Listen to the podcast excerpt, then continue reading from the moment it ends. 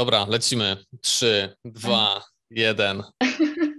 Dzień dobry, witam wszystkich bardzo serdecznie. W dzisiejszym odcinku goszczę Katarzynę Kosior, nauczycielkę jogi oraz certyfikowaną instruktorkę oddechu funkcjonalnego metodą butejki. Witam. Cześć. Cześć, cześć. Jak życie, Kasiu? Dobrze, wszystko dobrze. Dobrze, to zacznijmy od y, metody butejki. Czym jest metoda butejki? Mhm. Metoda butejki to jest w sumie taka forma terapii, aczkolwiek ludzie też stosują ją do tego, żeby poprawić swoje wyniki w sporcie.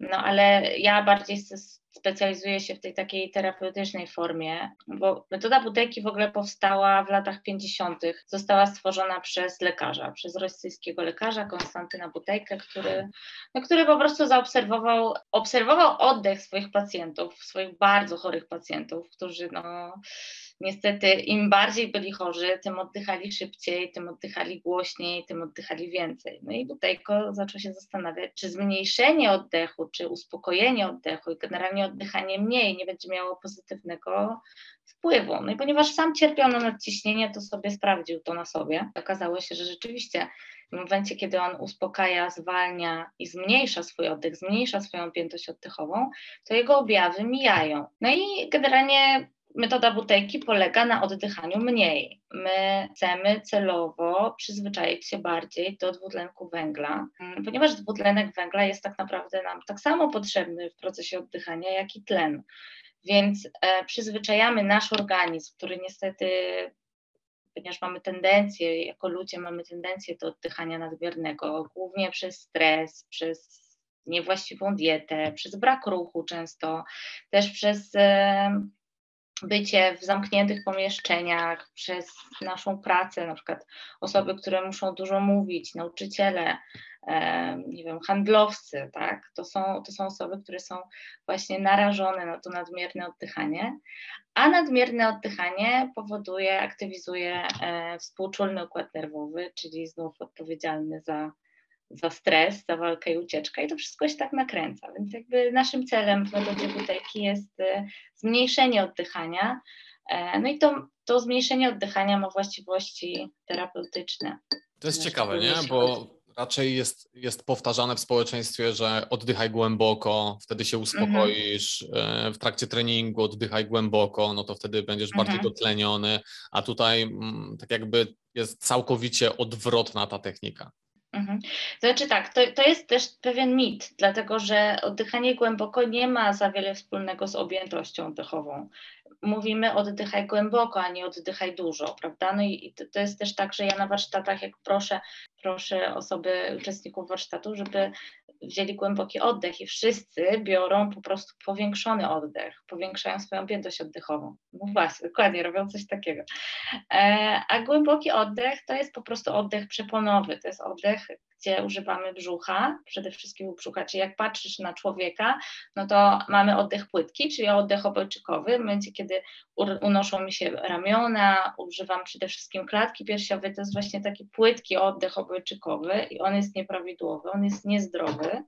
On też właśnie znów aktywizuje współczulny układ nerwowy, czyli powoduje u nas reakcję stresową, a głęboki oddech to jest ten oddech przeponowy, gdzie używamy brzucha i przepony. Także no, taki mit funkcjonuje jednak mimo wszystko. No dobra, i czyli, czyli metoda butejki skupia się na tym, żebyśmy oddychali mniej. I kiedy zaczynamy tak. oddychać mniej, to co dzieje się w naszym organizmie? E, no przede wszystkim zaczynamy czuć głód powietrza i to jest, to jest właśnie to, co my chcemy osiągnąć. My chcemy rzeczywiście osiągnąć ten głód powietrza, bo jakoś musimy się przyzwyczaić do tej większej ilości dwutlenku węgla. No ale problem zaczyna się wtedy, kiedy zaczynamy przesadzać, tak? kiedy, kiedy e, ten głód powietrza staje się zbyt dotkliwy, zbyt intensywny no to wtedy uruchamia się reakcja stresowa, no i zaczynamy oddychać szybciej, więc my tego nie chcieliśmy. Tak więc to, to jest najtrudniejszy element, żeby znaleźć ten złoty środek między właśnie takim, no nie chciałabym powiedzieć podduszaniem się, no ale to jest takie troszeczkę uczucie, że, że brakuje ci, że brakuje ci tego powietrza,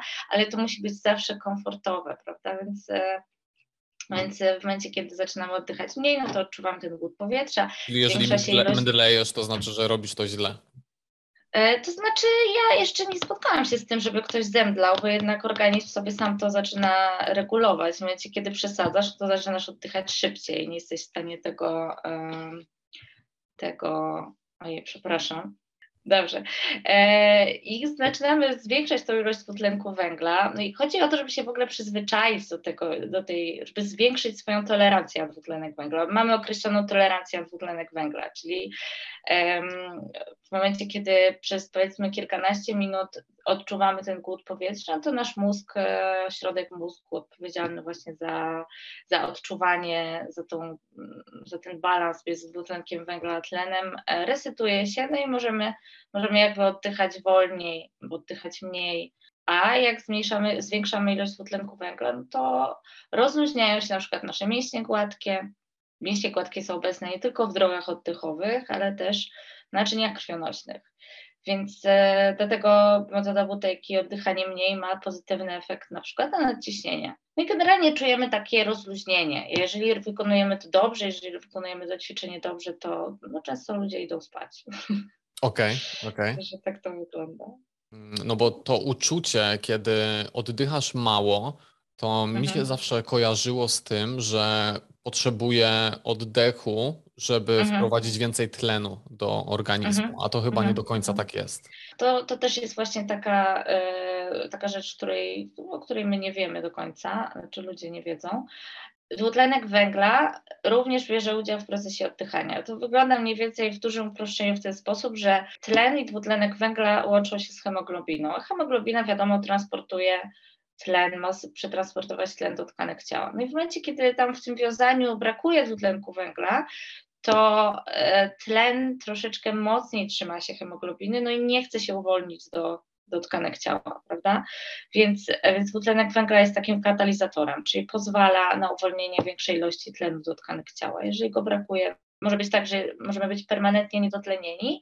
Mhm. Mm, no i też dodatkowo przy takiej przewlekłej hiperwentylacji, po prostu nadmiernym oddychaniu na co dzień, nasza tętnica, która dostarcza krew, natlenowaną krew do mózgu, też się trochę zwęża, więc też mózg jest niedotleniony. E, no i to często powoduje na przykład lęki, osoby, które są lękowe, często hiperwentylują i to, jest, i to się tak nakręca wszystko, prawda? Osoby, które mają duży problem ze stresem, oddychają za dużo, mają niedotleniony umysł i, i to, się tak, to się tak kręci. Mają ataki paniki. Okej, okay, okej, okay. czyli, czyli to działa na odwrót, czyli czym mniej mhm. oddycham, mhm. tym tak naprawdę bardziej jestem dotleniony.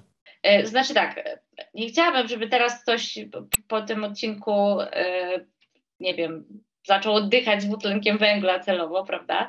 E, chodzi prawda, o znalezienie takiej równowagi, bo normalnie my powinniśmy oczywiście oddychać naturalnie na co dzień, w taki sposób naturalny, jak podpowiada nam ciało, ale e, dobrze jest właśnie robić sobie ten trening oddechowy, czyli, czyli celowo oddychać mniej, żeby przyzwyczaić się, żeby po prostu zwolnić ten oddech, żeby zmniejszyć ilość oddychania, znaczy po prostu mhm. zmniejszyć ilość wdychanego powietrza. E, no i w ten sposób uda nam się osiągnąć ten taki właściwy poziom dwutlenku węgla i tlenu, prawda? No właśnie, jaki jest taki właściwy poziom dwutlenku węgla? Czyli, bo chcemy się skupić na tym, żeby oddychać mniej, żeby oddychać mhm. spokojniej, ale czy jest mhm. taki punkt, w którym możemy oddychać zbyt wolno, albo tego dwutlenku mhm. węgla będzie zbyt dużo w naszym organizmie? Nie, nie sądzę. Znaczy to jeżeli ktoś by po prostu sobie no, chciał się udusić, to, to prawdopodobnie mógłby do tego doprowadzić, ale to, to musiał być pozbawiony, nie wiem, mózgu gadziego. Instynktu samozachowawczego. Tak, instynktu samozachowawczego, dokładnie. E, Ogólnie my mierzymy, robiąc trening oddechowy, stosując terapię metodą